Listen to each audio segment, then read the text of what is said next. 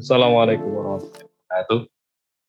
Waalaikumsalam warahmatullahi wabarakatuh. Oke, selamat malam buat sobat film yang mendengarkan pada malam hari.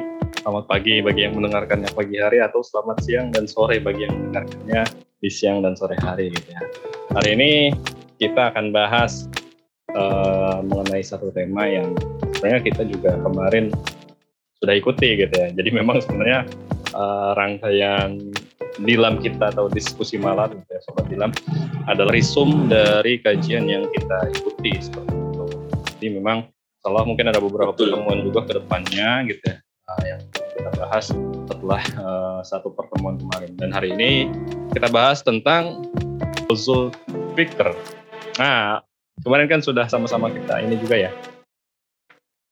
Dari yang didapat gitu ya, dari lu sendiri, usul fikr itu apa? Gozul Fikr ya ngomongin Gozul Fikr kalau dari secara arti sendiri kan kita mungkin udah sama-sama tahu ya uh, artinya itu tentang perang pemikiran Gozul, Gozlah perang gitu ya. Fikr itu pikir, pikir, pikir ya pemikiran gitu berarti gitu ya. Jadi Gozul Fikr adalah perang pemikiran. Perang pemikiran ya apa sih yang mau dengan pemikir apakah pikiran kita bawa pedang gitu kan?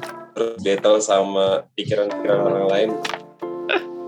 Gak sayang gitu ya kalau bisa kayak gitu. Pikirannya perang bawa pedang. Tapi lucu juga ya. Wah, ya mungkin sih kalau yang Iya kalau kalau kalau ada ilustrasi kayak gitu kayaknya bagus gitu ya. Eh, pikiran-pikiran uh, kita kita kan bawa senjata sama perisai gitu kan bertarung gitu dia. Nggak tahu gimana caranya gitu kan. Menangnya juga nggak tahu gimana kalahnya juga nggak tahu gimana. Betul betul. Duh, suka kalau ya ngomong, ngomongin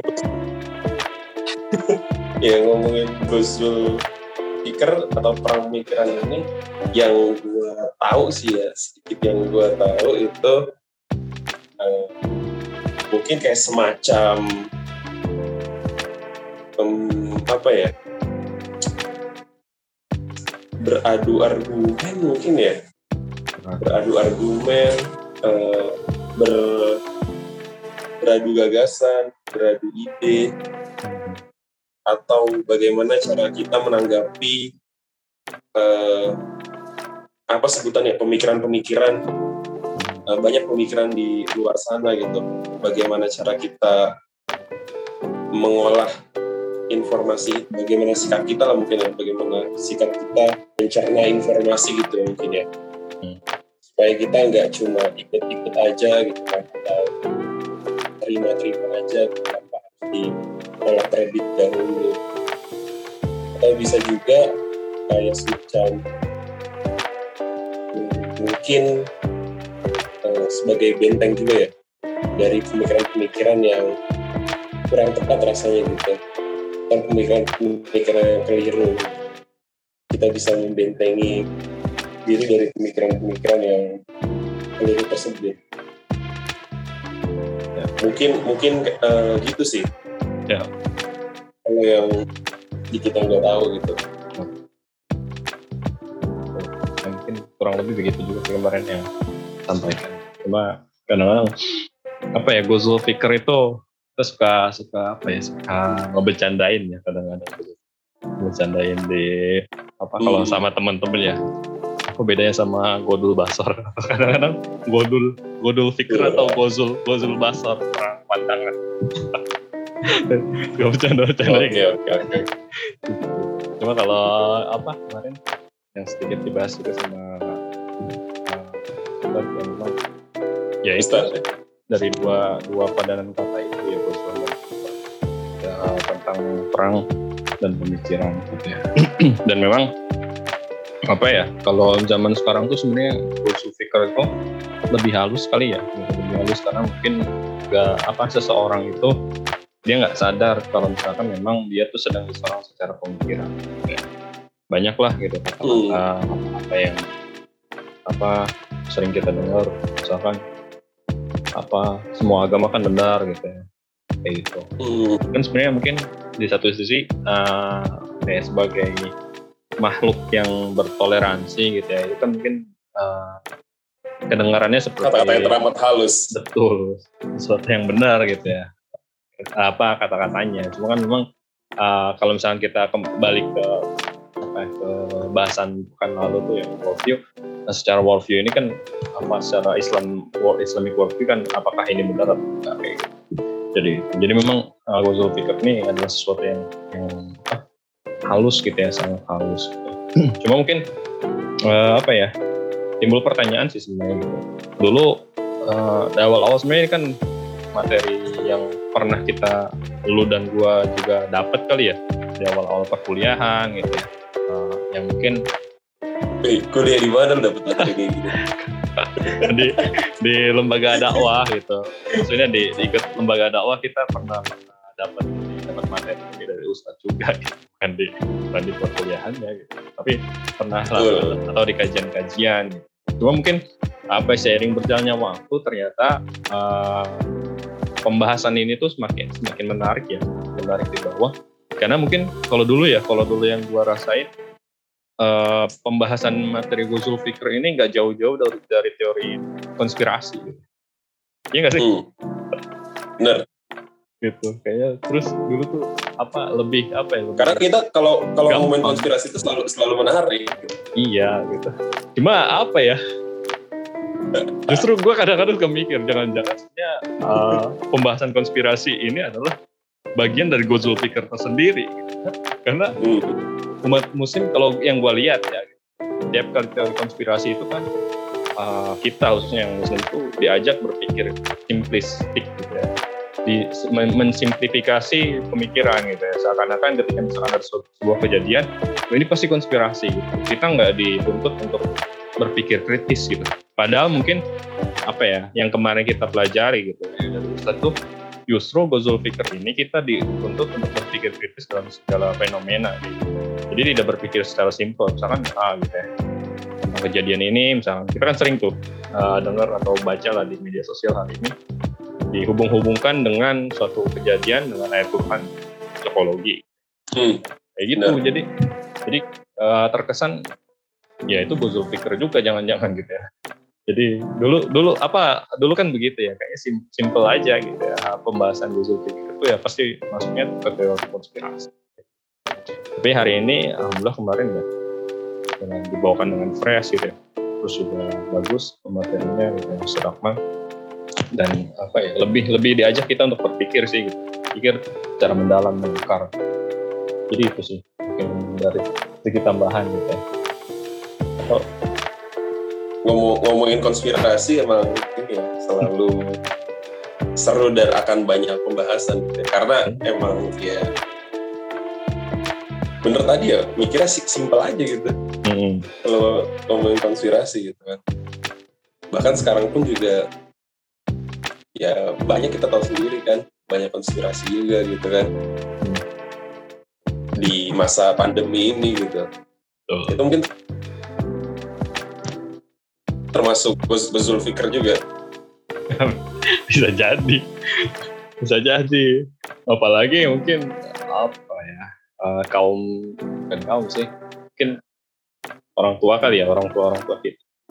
Yang lebih gampang terhasut gitu. Dalam artian ketika memang pesannya itu bombastis terus mengatasnamakan umat muslim atau mencatut nama seorang ustadz misalkan itu kan lebih gampang ya menyebar secara yeah. secara masif gitu ya padahal tadi misalkan memang sebenarnya inti inti yang paling utama itu memang kita harus apa ya kalau kalau yang ini dari perspektif gue yang yang akhir kemarin didapatkan adalah bagaimana kita tidak mensimplifikasi suatu kejadian berpikir secara mendalam apakah benar gitu ya apa yang di, disampaikan tersebut gitu. kalau misalnya kita masuk ke dalam konteks kali ini konteks kita muslim itu lebih lebih apa ya lebih mencari hal-hal yang menurut mereka ingin didengar simplifikasi terus apa ya dan gampang gitu gampang terhasut gitu gampang terhasut karena mereka tidak diajarkan berpikir secara mendalam gitu dasar ketika misalnya mereka eh kayaknya ini yang menurut menurut mereka udah punya satu kesimpulan gitu ya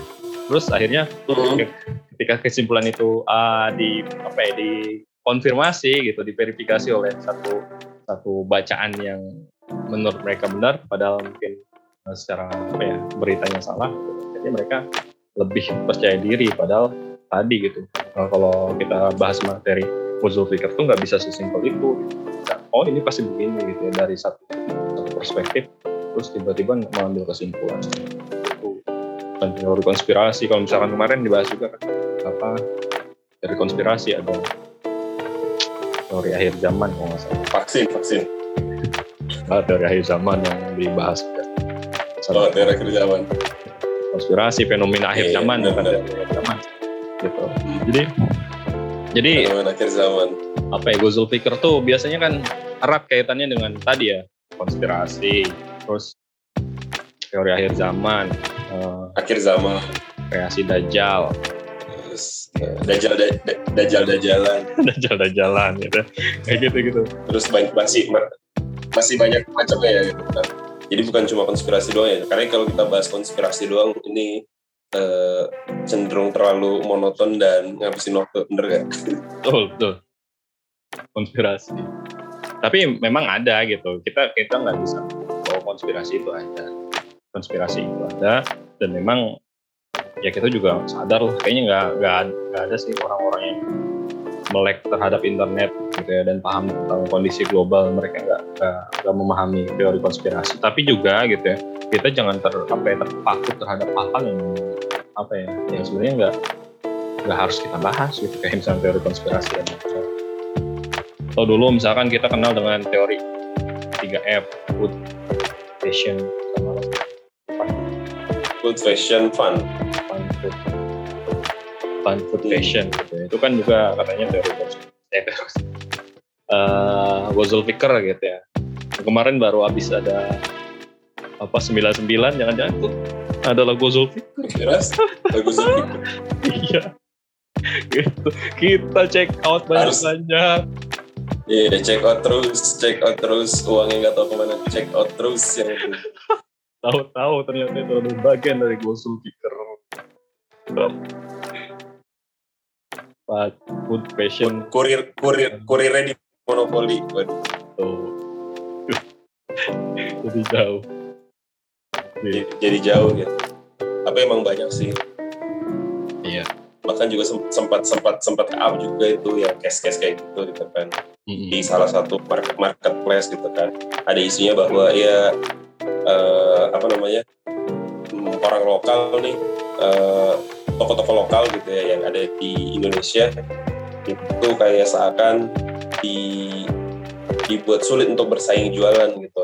Karena saat dia order bahan baku itu lebih mahal gitu loh. Dia saat order order bahan baku itu harganya lebih mahal. Saat udah jadi jadi bahannya gitu kan. Gak mungkin dong dijual dengan harga yang murah gitu. tapi ada toko di luar negeri gitu kan bisa di marketplace itu eh, ya dia berani jual barang itu dengan harga yang yang murah jauh di bawah harga pasar gitu. Jadi kalau secara logika ya orang-orang akan ngambil di, di toko tersebut gitu kan.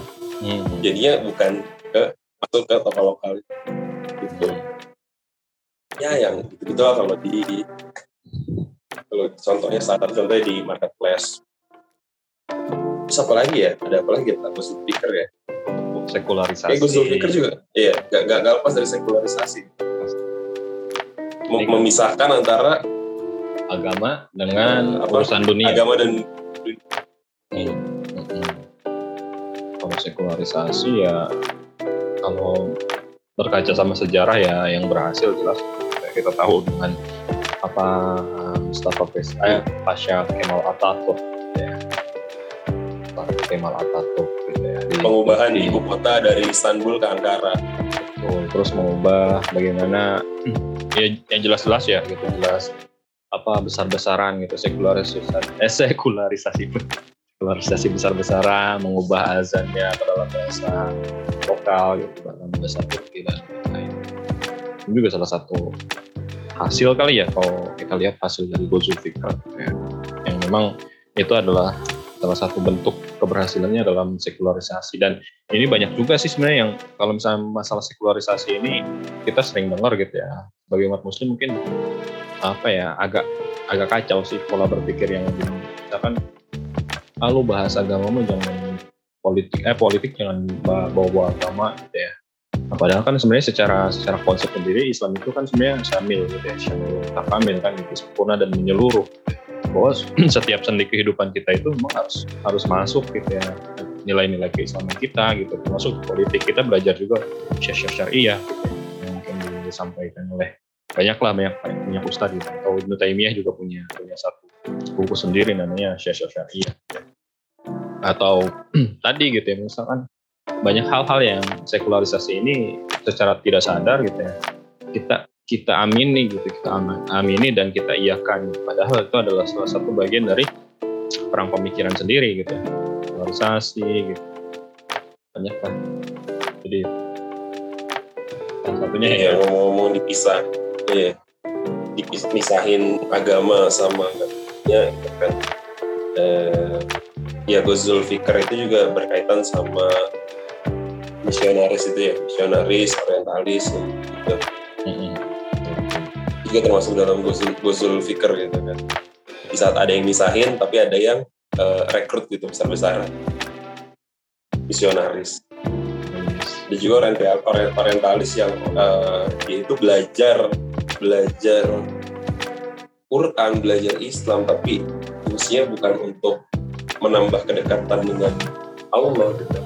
Tapi semata-mata untuk untuk emang pengen nyari celah.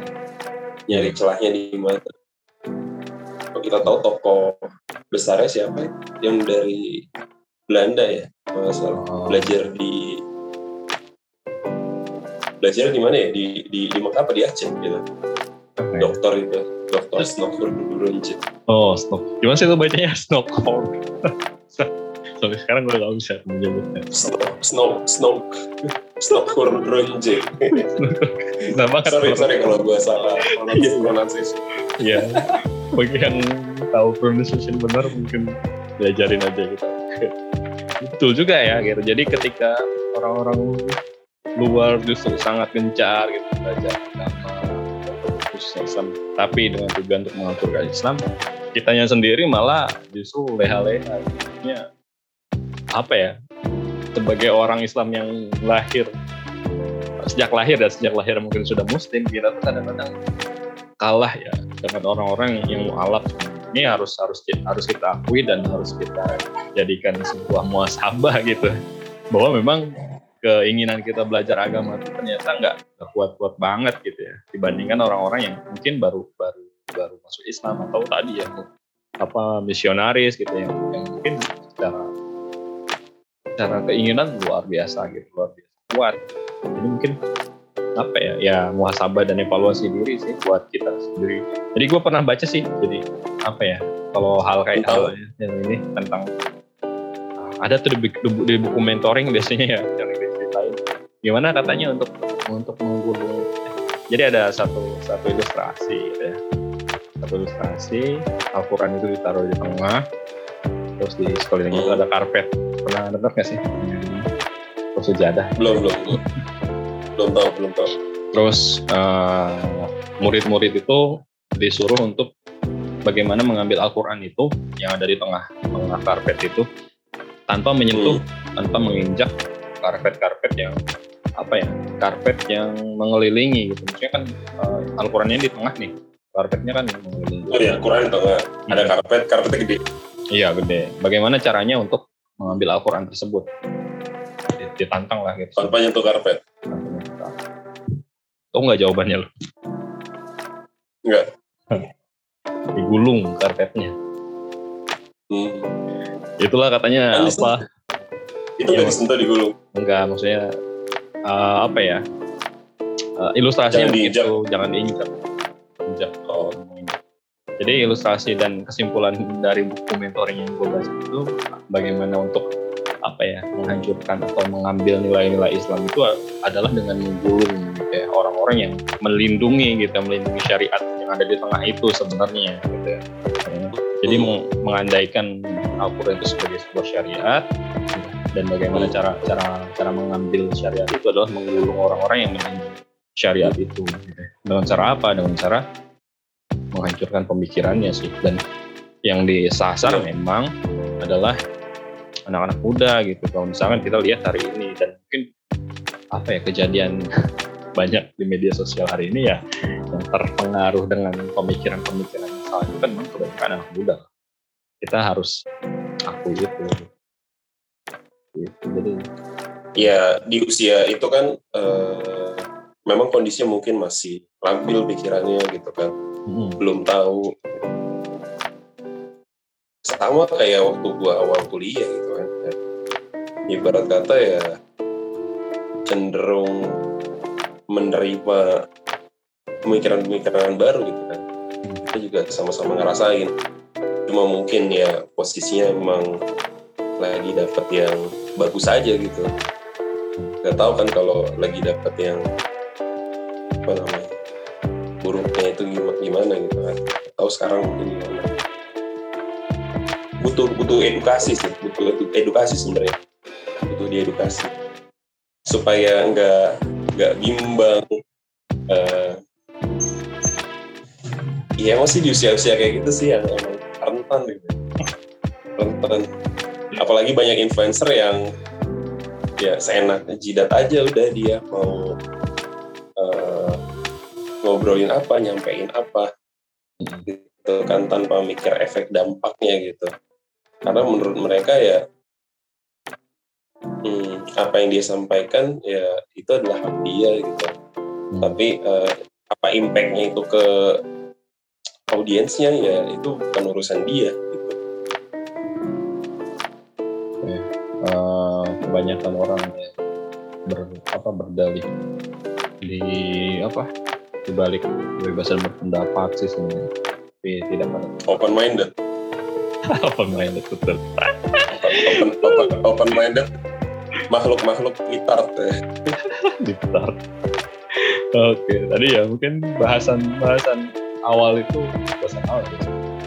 kita bahas filosofi pikir luas dulu gitu ya. Dan mungkin beberapa apa beberapa definisi filosofi pikir atau contoh-contoh pikir yang, yang sering kita temui dan mungkin ada beberapa yang yang yang tadi kita bahas tuh yang yang mungkin hari ini kita alami tapi juga nggak semuanya. Contoh-contoh mungkin di masa lalu seperti nah, kalau dari definisi sendiri ya gitu ya. Mungkin di apa kemarin Ustadz sampaikan bahwa Gozwa itu kan tadi perang ya. Yang sendiri tadi bilang lu sendiri kan bilang bahwa Gozwa itu perang gitu. Nah tapi di sini kemarin Ustadz itu bilang ada satu, satu, definisi ya. Gozwa atau perang itu adalah nama itu di garis bawahi atau di bold adalah sebuah bentuk kon, kon, konfrontasi. Perang itu konfrontasi. Yang terencana tujuannya adalah menaklukkan. Jadi itu ada ada tiga tiga kata yang harus digarisbawahi gitu pertama adalah konfrontasi. Yang terencana tujuannya adalah hmm. definisi dari perang sendiri gitu, ini memang bentuknya itu kalau misalnya kita berbicara tentang perang secara definisi dulu gitu ya. Tujuannya kan adalah perang gitu ya. Bentuknya konfrontasi gitu. Konfrontasi itu apa ya? Secara langsung gitu ya. Face to face gitu. Hmm, head, head, head to head. head. To head. Gitu. tapi ada ada kata kedua yang perlu digarisbawahi itu ada terencana gitu ya. jadi bukan terencana. sporadis gitu ya. Nggak nggak apa ya. Nggak, ya tadi sporadis gitu nggak rusuh oh, iya. ya. ada perencanaan nggak, nggak kayak anak STM betul. Jadi nggak kayak orang tawuran gitu. Sahabat aja. Ada ada perencanaan. Dan juga tapi, uh, gue cur gue curiga sama anak STM itu sebenarnya dia kalau mau tawuran itu udah ada strateginya gak sih? Apa emang langsung janjian? Pukul-pukulan. Nggak tahu sih. Harusnya sih ada strateginya kalau mau menang ya. Iya. Tapi kayaknya anak-anak gitu cuma, ya. cuma sayangnya mungkin anak-anak STM gak belajar siro kayaknya. Enggak kalau belajar siro dia nggak tawuran ya. Betul mungkin kalau belajar siro aja tawurannya ada rencana. Waduh jangan nanti jadi drug jokes. Ya komik dan tujuannya penaklukan ya jadi memang pasti ada penaklukan kalau perang itu gitu ya. Nggak mungkin lah perang apa menaklukkan atau tujuannya itu mendapatkan sesuatu perang penaklukan dan khususnya kalau perang yang dibahas oleh Islam itu ya beliau bahas penaklukan gitu. Jadi kalau perang itu ya pasti ada tujuannya gitu ya. Nah, kalau di sini disampaikan juga bahwa konfrontasi itu mengharuskan kita siap untuk memberikan perlawanan. Jadi bener apa ya kemarin itu bahasanya lebih ke Islam tuh katanya uh, apa ya ramah dan lain-lain gitu dan selalu begitu yang yang yang digaungkan gitu. Padahal ternyata ada beberapa kondisi di mana sebenarnya ketika ada orang yang mengkonfrontasi gitu ya, kita juga harus siap dengan perlawanan. Gitu. Ya. Kalau misalnya ada mau kan bersiap siagalah gitu ya. Ada ada kata-kata kita harus siap siaga ketika ada di medan perang. Gitu ya. Jadi memang nggak bedakan antara antara kondisi perang dengan kondisi yang apa ya ideal gitu misalnya ada damai-damai aja dan lain gitu. kalau perang ya kita harus harus dalam mode mode perang gitu ya mode war gitu. kita yeah.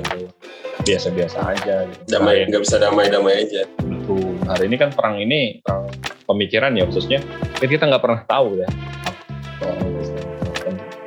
jadi apa ya agak susah sih agak bukan agak ngeri perang pemikiran ini karena memang kita nggak pernah tahu sih musuh kita ini sedang sedang mengkonfrontasi kita atau enggak gitu ya. Hmm. Karena ada orang yang nge-live IG gitu ya. Dia bahas tentang yeah. free misalkan gitu ya. Nah, kan kita nggak pernah tahu gitu sebagai orang awam mungkin ya dia ikut aja gitu. Padahal mungkin secara secara gozul pikir gitu atau perang pemikiran dia sedang sedang melakukan perang gitu. Konfrontasi konfrontasi gitu ya secara langsung. Yang emang yang, yang emang udah di planning gitu ya. betul sudah direncanakan sebelumnya. Nah ini kadang-kadang kita juga harus harus paham gitu. Ada orang-orang yang mungkin agak keras ya dalam tanda kutip agak keras membantah argumen-argumen orang-orang yang yang sebenarnya nggak sesuai dengan, dengan Islam gitu. ya karena memang kondisinya seperti itu gitu. Kondisi ada hal-hal yang memang kita harus konfrontasi juga gitu ya. Apalagi misalkan ya kalau misalkan buat pribadi sih nggak apa-apa gitu soalnya dia nggak tidak menyebarkan gitu ya. Tidak menyebarkan paham apa ya pahamnya yang salahnya itu orang lain. Tapi ketika sudah menyebarkan itu jelas gitu mengkonfrontasi namanya. Jadi itu sih. Dia jangan jangan ngajak-ngajak lah ya. Betul, kalau ngajak-ngajak ya ini bukan bukan apa udah udah mengkonfrontasi lah ya istilahnya. Kemarin itu kan salah satu apa ya salah satu cara gitu ya perencanaan ya jadi kan tadi juga kita sebutkan ada aspek perencanaan ya atau terencana dalam jalan busuk yang dan itu yang membedakan sebenarnya antara tawuran misalnya tadi disebutkan dengan dengan perang yang benar-benar terencana gitu ya.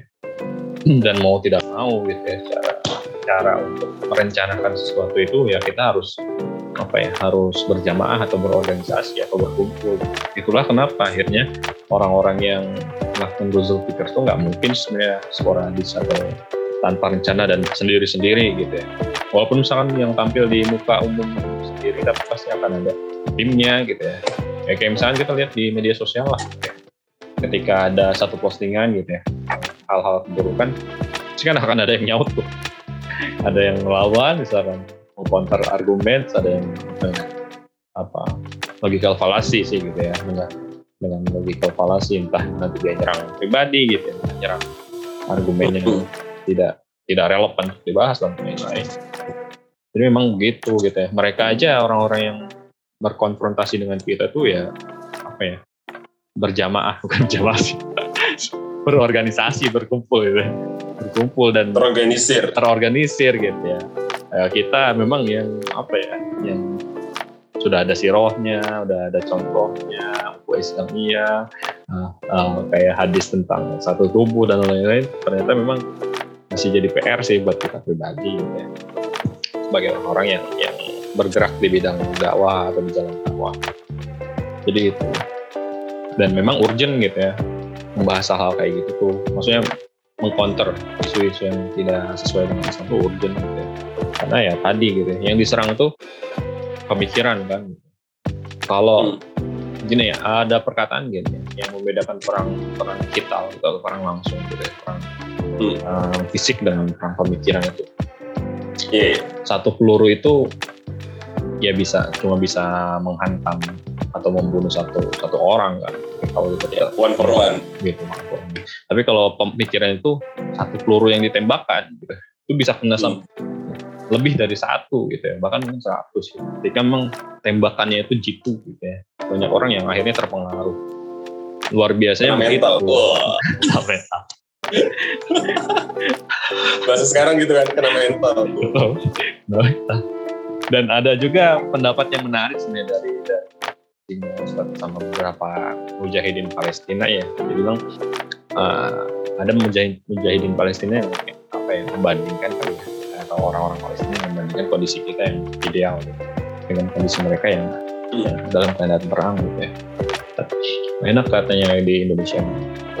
Nah yang membedakan sebenarnya mungkin daerah atau setiap umat muslim itu kan punya, punya ujiannya masing-masing ya. Kayak kemarin kita bahas ada ujian masing-masing. Gitu.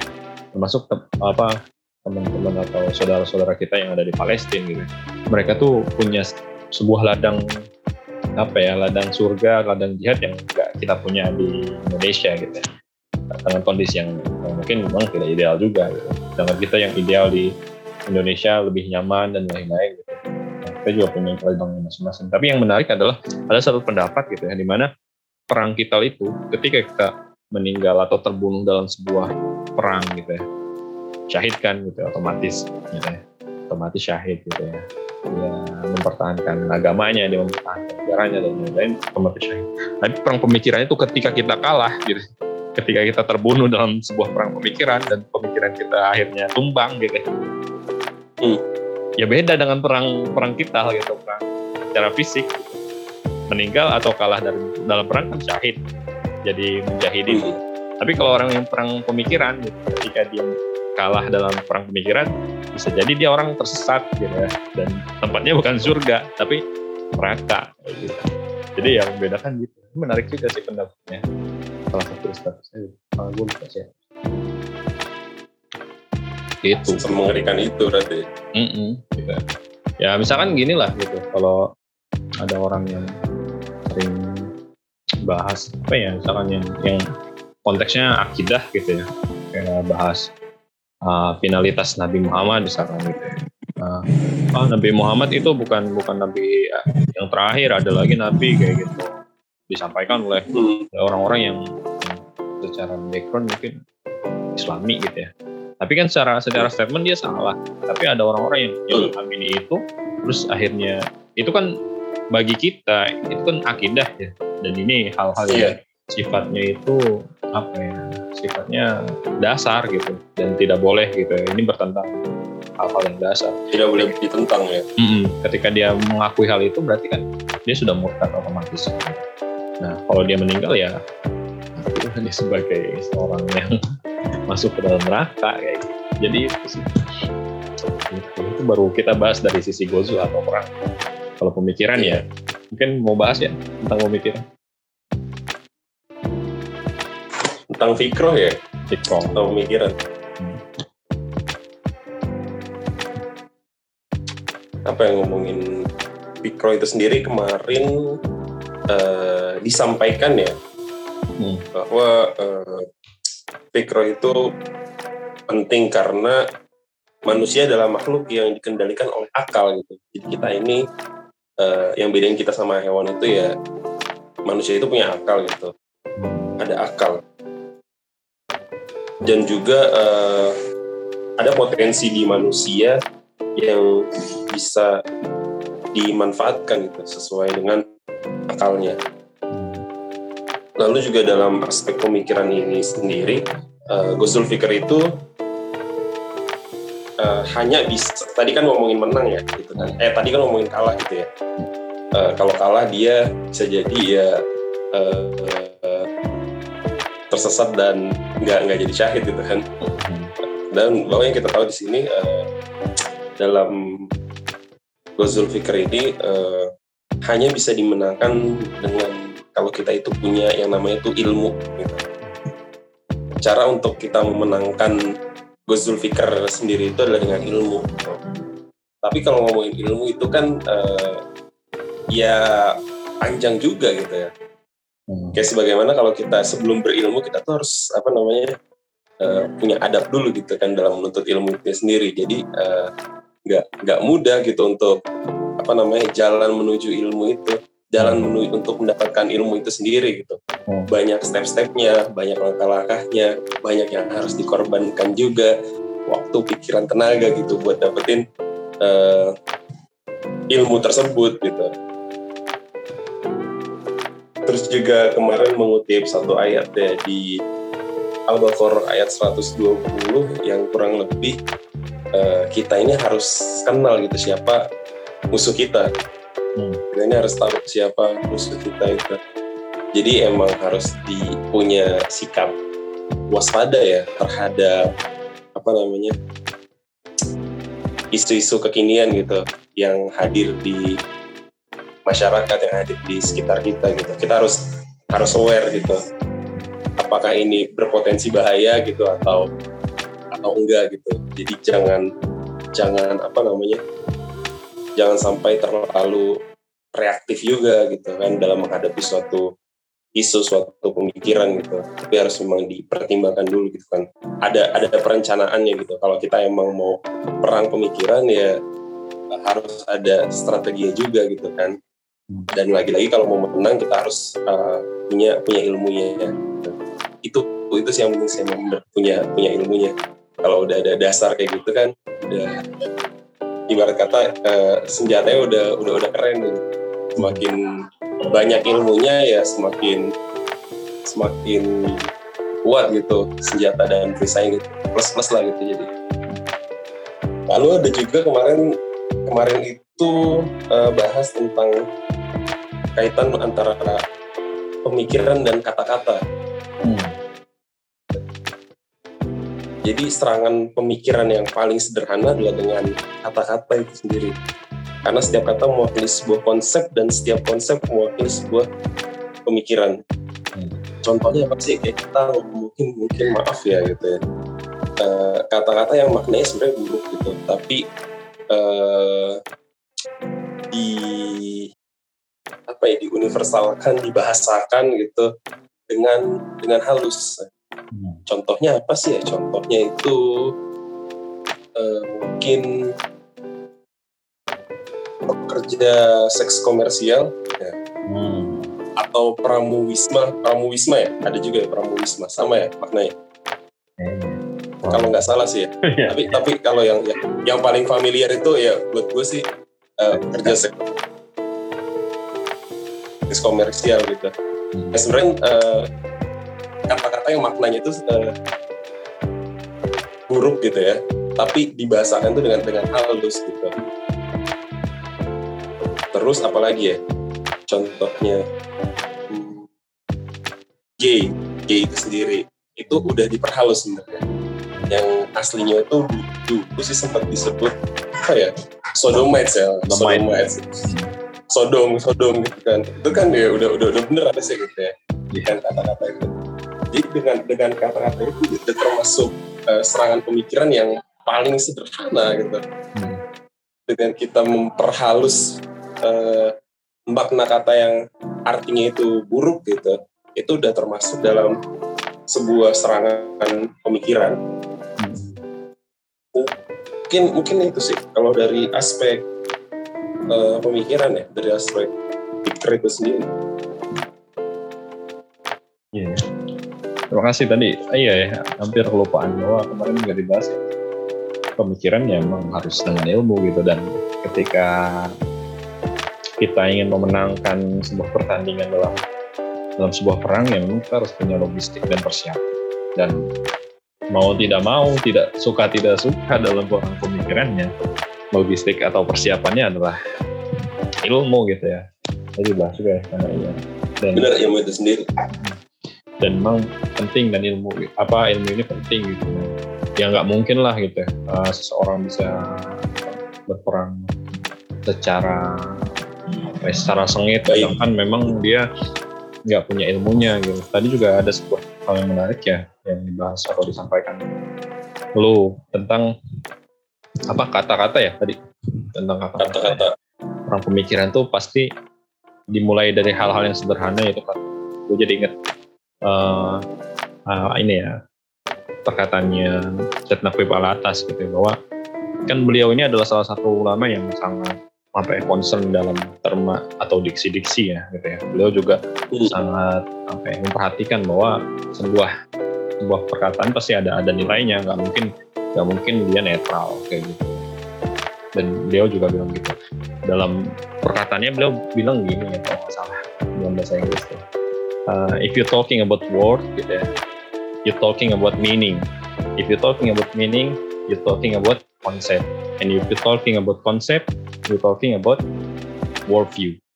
Gitu.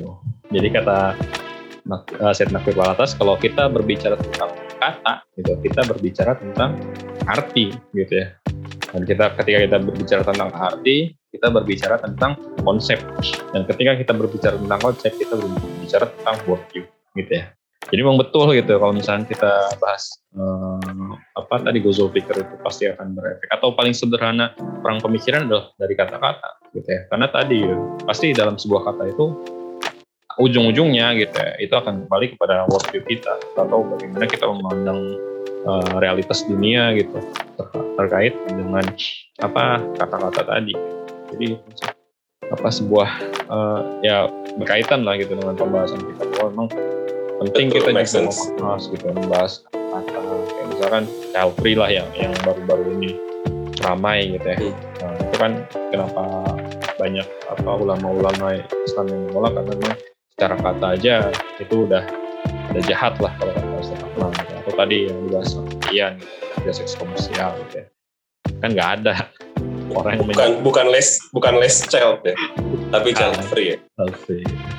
Atau kerja seks komersial gitu nggak ada orang yang dengan rela sebenarnya secara atau menjadikan seks itu sebuah pekerjaan sebuah gitu ya. pekerjaan ya. profesi gitu. dan dan dan dianggap profesi nggak mungkin gitu ya nggak ada kayaknya dan makanya emang harus harus dengan apa ya orang yang menjadikan itu sebuah apa cara mendapatkan uang ya harus diganjar dengan sesuatu yang buruk gitu ya sebuah stigma yang buruk karena ya itu sudah men, apa bertentangan dengan agama pasti gitu ya. kedua bertentangan dengan nilai moral gitu ya masyarakat gitu sehingga ya orang-orang gitu kan pasti akan buruk lah di mata masyarakat. Juga jadi memang apa penting juga ya kita memahami hal aspek-aspek kata-kata tadi gitu ya. Jadi jangan jangan terlena dengan ah semua agama misalkan baik gitu ya. Kata-katanya kata-katanya apa ya? Mungkin dalam satu sisi, satu sisi orang-orang awam ih kayaknya agama juga ada yang mengajarkan pencurian kayak gitu. Tapi sebagai Islam ya kita harus paham gitu bahwa kata-kata itu harus harus kita teliti lebih dalam gitu apakah dia mengandung makna gitu uh, lain gitu atau memang ya seperti apa di dalam Islam gitu. Ketika memang tidak bertentangan ya ya kita bisa mengambil hal tersebut. Itu sih ya tadi pembahasan tentang speaker dan kata-kata kata-kata kata-kata terus kaitannya sama word free ya word word free itu sendiri oh. ya berarti ya sama mungkin kayak banyak undang-undang kita gitu hmm. undang-undang di Indonesia ya kan itu kan terkait kata-kata juga kan hmm. pasal pasal karet itu kan karena kata-kata juga kan ya mungkin emang karena yang menyusun itu dia udah punya word free sendiri gitu. betul gitu ya. makanya memang apa ya sering sih eh, orang-orang hukum tuh membahas apa ya membahas perundang-undangan itu sangat detail gitu atau sangat lama karena memang satu apa ya satu norma hukum atau satu ketentuan hukum tuh uh, jangan sampai dia itu bisa di apa ya bisa ditafsirkan dengan tafsir yang lain. Karena kata-katanya kita nggak memperhatikan kayak misalnya yang, yang sering di apa ya dijadikan contoh adalah bagaimana UIT kayak gitu ya. UIT yang bisa menjerat banyak banyak orang sedangkan dia bisa melindungi juga beberapa orang. Karena tadi gitu ya banyak hal yang karet. Jadi memang sebuah norma atau ketentuan hukum itu kalau bisa dia tuh ajak gitu ya. Dengan cara apa? Dengan cara memperhatikan setiap fiksi yang yang ada dalam dalam dalam apa sebuah kaidah atau sebuah peraturan itu. Jadi memang penting gitu. Apalagi memang masyarakat kita nggak apa ya cenderung malas sih cenderung malas untuk membahas hal-hal yang, yang ribet gitu. Makanya walaupun misalkan peraturan perundang atau rancangan undang-undang itu sudah disampaikan publik ini loh draftnya gitu, kan nggak banyak orang yang membahas itu secara lebih mendalam gitu, membahas secara komprehensif nih. Bisa nggak sih misalkan sebuah sebuah kalimat ini nanti ditafsirkan seperti ini? Padahal misalkan pengennya tafsirnya seperti ini. Itu kan bisa. Jadi ya begitu di Indonesia. Makanya penting juga sulit emang hukum manusia hmm. Itulah. Banyak sih. Tapi ya kalau kita bahas apa ya kondisi Kenya gitu banyak masalah ya. Ya gimana ya? Capek juga sih. atau mungkin kayak misalkan lu merasa nggak sih selama pandemi ini, ini di luar konteks kali ya, boleh aja. Uh, gerakan dakwah gitu, ya, atau organisasi-organisasi dakwah tuh cenderung cenderung menurun secara kualitas. hmm. Atau lu ngerasain itu enggak, cuma buat gue pribadi ya, kayaknya itu ada. Enggak, nggak tahu ya ini masalah Oh. masalah apa. kurang ini sih ya gue kurang ngikut ngikutin gitu gimana dinamikanya tapi yang yang emang gue rasain lebih uh, udah mulai masif lagi sih gerakan-gerakan yang uh, ya mungkin ini masuk gue Zulfikar juga ya yang Hmm. di luar itu. Nah, ini gerakan-gerakan yang kurang-kurang baik itu udah mulai masif lagi di, di, ya, di banyak platform juga sih. Iya, jangan-jangan mereka sebenarnya sudah menyiapkan sedemikian rupa ketika kita masih belum terbiasa dengan kondisi pandemi ini. ya. Orang-orangnya yang ber apa ya beralih ber pemikiran buruk itu jangan-jangan sebenarnya sudah sudah membahas bahkan gerakan-gerakan mereka sampai beberapa tahun ke depan gitu dengan kondisi yang seperti ini. Gitu. Sedangkan kita masih masih berkutat dengan bagaimana gitu, ya, akan membahas atau bagaimana gerakan kita gitu. Padahal kita sedang menyusun gerakan-gerakan gerakan-gerakan uh, ke depan gitu ya. Ternyata mungkin mereka tuh udah udah satu dua step. Ini juga jadi jadi PR sih. Parameter kemenangan dalam Gozo Fikir itu saat pemikiran-pemikiran orang banyak itu mungkin tercerahkan kalau salah satu apa ya salah satu aspek atau para apa salah indikator indikator bahwa kita menang dalam Gozo Fikir ya, banyak yang tercerahkan dengan dengan argumentasi-argumentasi kita. Yang kedua mungkin ketika musuh dalam Gozo Fikir itu tidak lagi menyerang walaupun apa ya, mungkin susah pemikiran itu ya sifatnya abstrak ya kayak perang Hmm. ini perang perang fisik gitu ya kalau pemikiran kita tidak bisa apa ya mendapatkan indikator sebuah pemikiran itu mati atau terbunuh susahnya di situ. Nggak bisa sih kayaknya. Nggak bisa dia gitu. kan terus pemikiran itu akan terus Kayak- kayak- kayak virus aja. Hmm. dan akan terus terus ada. Iya. Bermutasi. Jadi jadi varian-varian delta. Varian-varian baru. Jadi itu itu ya mungkin apa kemenangan apa kemenangan Gozo Fikir itu ya. Ketika ya banyak orang yang tercerahkan lah intinya gitu. Memang di dalam Islam sendiri kan tidak apa ya tidak tidak diajarkan atau tidak tidak umum lah gitu eh, mem- menghapus gitu ya sebuah pemikiran. Kan eh, ilmu-ilmu gitu ya ilmu-ilmu dalam di dunia barat juga kan tidak semuanya ditolak gitu. Misalnya dalam, dalam sejarahnya Andalus gitu ya atau Iya. oh, ya ketika zaman kejayaan Islam gitu kan belajar juga gitu ilmu apa, filsafat-filsafat Yunani tapi kan nggak semuanya diambil gitu. Dilihat bagaimana betul. bisa diambil terus ditolak seperti apa. Dan itu sih. Dan mungkin harusnya begitu sih ya gitu kalau zaman sekarang orang-orang bolehlah belajar belajar gas kapital misalnya. Atau bukunya Kiri gitu Lenin atau Kamalata gitu. tapi dia juga harus memastikan dirinya gitu. Memastikan dirinya dia sudah sudah kuat secara secara akidah secara secara tauhid gitu. Yang sampai ketika dia baca buku ini perang pemikiran juga kan buku itu. Hmm. Uh, ya juga. Ketika dia baca buku eh dia pemikiran dia malah yang, yang terserang bukan bukan malah menyerang makanya memang kalau gue pribadi ya selalu menyarankan ketika memang uh, anak-anak udahlah gitu ya dengan keinginan yang kuat. Ketika dia merasa dirinya belum mampu atau belum belum kuat lah secara, secara keilmuan akidahnya atau uh, kekuatan tauhidnya ya itu hal-hal tersebut dihindari dulu aja gitu. Karena nanti dia terjerumus ke dalam hal yang salah. Boleh nggak baca? Boleh gitu ya baca-baca teori-teori barat atau sebagai sebuah ilmu gitu ya. Dan jangan juga gitu ya anti dengan hal tersebut gitu. karena kan budaya Islam itu adalah budaya ilmu sih dan selalu dibangun atas dasar keilmuan gitu ya.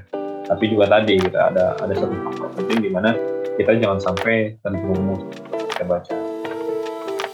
Homo sapiens yang tadi das kapital gitu gitu yang dan lain-lain jangan sampai itu masuk ke dalam kita sudah punya satu konsep yang lanjut gitu. kita sudah punya syariah yang itu juga punya apa waktu yang bagus gitu. jangan sampai ketika baca ya malah menyerang pemimpin dan memang hati-hati sih dalam dalam betul ya, dalam berargumen pertama. Dan hati-hati juga dalam berdebat sih. Ini kebiasaan anak-anak muda zaman sekarang biasanya kan senang sekali berdebat gitu. Apalagi dengan tema-tema agama gitu. Nah, udah baca Bible misalnya dulu ya terus udah mengerti konsep atau hmm. ikut kajiannya Zakir naik gitu ya padahal perdebatan tuh hmm ketika memang bisa ditinggalkan ya tinggalkan aja gitu. Nah, ketika yeah, harus, harus berdebat pun ya harus tahu konteksnya dan apa tujuannya gitu, karena apa ya, karena gaya-gayaan aja gitu. Gitu sih. Pengen atensi mungkin. Betul atensi. Ini banyak sih sebenarnya yang dilakukan. Ada anak yang komen komen komen komen di YouTube kan kadang gitu. Betul. Emang caper aja gitu. Caper mungkin balik balik lagi balik lagi ke pola pengasuhan orang tua ya jadi ngomongin parenting gitu penting penting juga gitu kan apalagi buat orang-orang apa namanya eh, orang-orang orang tua orang tua yang masih muda-muda gitu kan ya itu harus jadi perhatian gitu. Bahwa ya dia menikah bukan cuma berkeluarga gitu cuma eh, apa namanya cinta kamu cinta aku gitu. Tapi memang harus siap ngedidik anak itu sendiri gitu. Mm-hmm. penting gitu. Itu itu itu dasar dasar pendidikan yang paling fundamental itu di keluarga sih. Tuh, menurut gua. Itu juga bisa bisa jadi huh? Ya bisa jadi anak-anak uh, muda sekarang gitu kan usia-usia remaja usia-usia tanggung gitu ya gue nyebutnya yang pemikiran masih labil ya kurang mendapatkan asupan pendidikan yang kokoh gitu di keluarganya. Itu itu bisa jadi apa bisa jadi faktor loh. Iya tadi ya. Ini kan kita bahas juga tentang masalah ilmu kali ya. Dan itu mungkin salah satu apa ya salah satu benteng kali ya. Benteng terkuat juga gitu ya. Bagaimana apa ya penjagaan anak-anak tuh dari sisi keluarga karena keluarga itu yang nanti akan mendidik gitu ya. Khususnya hmm. hal-hal yang mendasar yang paling mendasar itu agama dan lain-lain.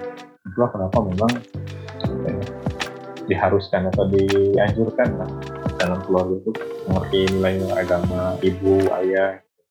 Itu pun hmm. ya dasar yang, yang kuat juga. Dan pesan kali ya buat buat semua anak muda gitu ya, yang akan menikah. Kenapa jadi sana apa ya yang akan menikah kan udah menikah. Belajar perbanyak belajar. Penting gitu. Kuasai ilmunya. Ya. kan sebelum kita beramal harus punya hmm. ilmu dulu kan. Gitu. Belajar aja dulu yang banyak gitu kan. Entah pakai atau enggak belajar aja. Ya. kata Ustaz gua sebuah ya, kan kalau hmm? sebuah apa? Ya yes, lanjutin bang. Sebuah apa ya? Sebuah amalan yang lu melakukan apa lu mempelajarinya aja dapat ilmu tanpa harus beramal gitu apa? Uh. maksudnya nggak nggak ada tuntutan amal gitu. Kita ilmu apalagi diamalkan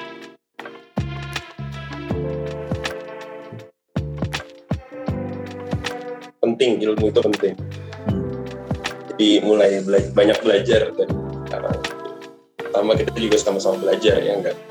Masih belajar dan terus terus terusan belajar terus terusan belajar. Betul. Harus terus terus belajar. Terus terusan terus terus belajar.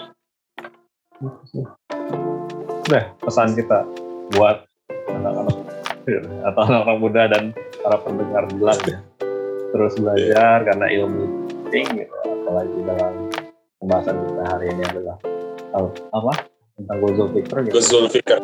Salah satu mencegah atau memerangi Gozul Fikr adalah mau tidak mau itu adalah ilmu yang kuat, ilmu yang banyak, ilmu yang lurus dan bersih jadi itu ya sobat Dilam terima kasih mungkin uh, buat sobat Dilam yang mendengar gitu baik di pagi hari siang malam hari semoga apa yang kita sampaikan ini bisa jadi manfaat juga ya buat teman-teman karena mungkin selain penugasan ya ini penugasan di kelas feminis feminis kelas kita juga berharap ada apa ya sumbangsi ilmu lah kalau misalnya memang ada yang bisa yang kita sampaikan ini adalah sebuah kebaikan dan kebenaran gitu.